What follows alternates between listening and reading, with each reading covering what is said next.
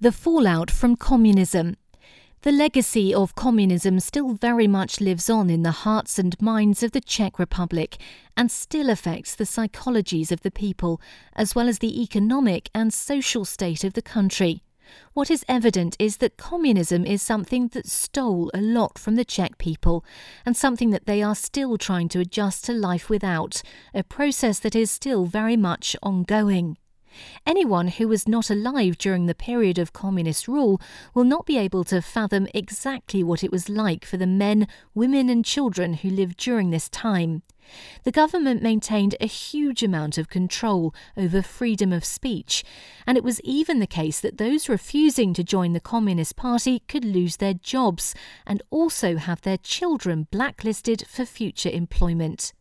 As you can imagine, most people hated the system but were unable to speak out against it, with the overwhelming feeling of the time being that of hopelessness, a nation that wanted to break free from its shackles but simply couldn't.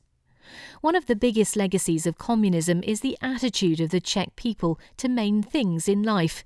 The communism system destroyed all of their sense of individuality and made the population into one entity, a group of people devoid of their own individual opinions, skills, and merits.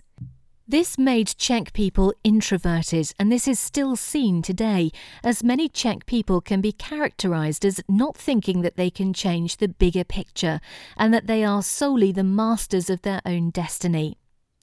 Despite the political repression and brutal government control, there are many people, though, who have still fond memories of this period, something that is slightly odd to those visiting from foreign lands.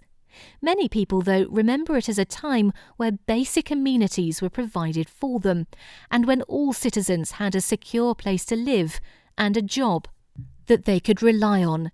Nowadays, people have to worry about their mortgage, bills, job security, and many other factors, which is perceived as being a lot more stressful than the previous regime. Essentially, those without lofty aspirations were happy to live in the way that the communist regime allowed, whereas those with ambition love the fact that they are free to pursue their dreams in today's world.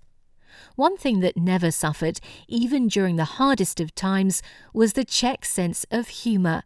This can be seen by the movies released in 1989, many of which were dry and witty affairs with characters who took a relaxed approach to life.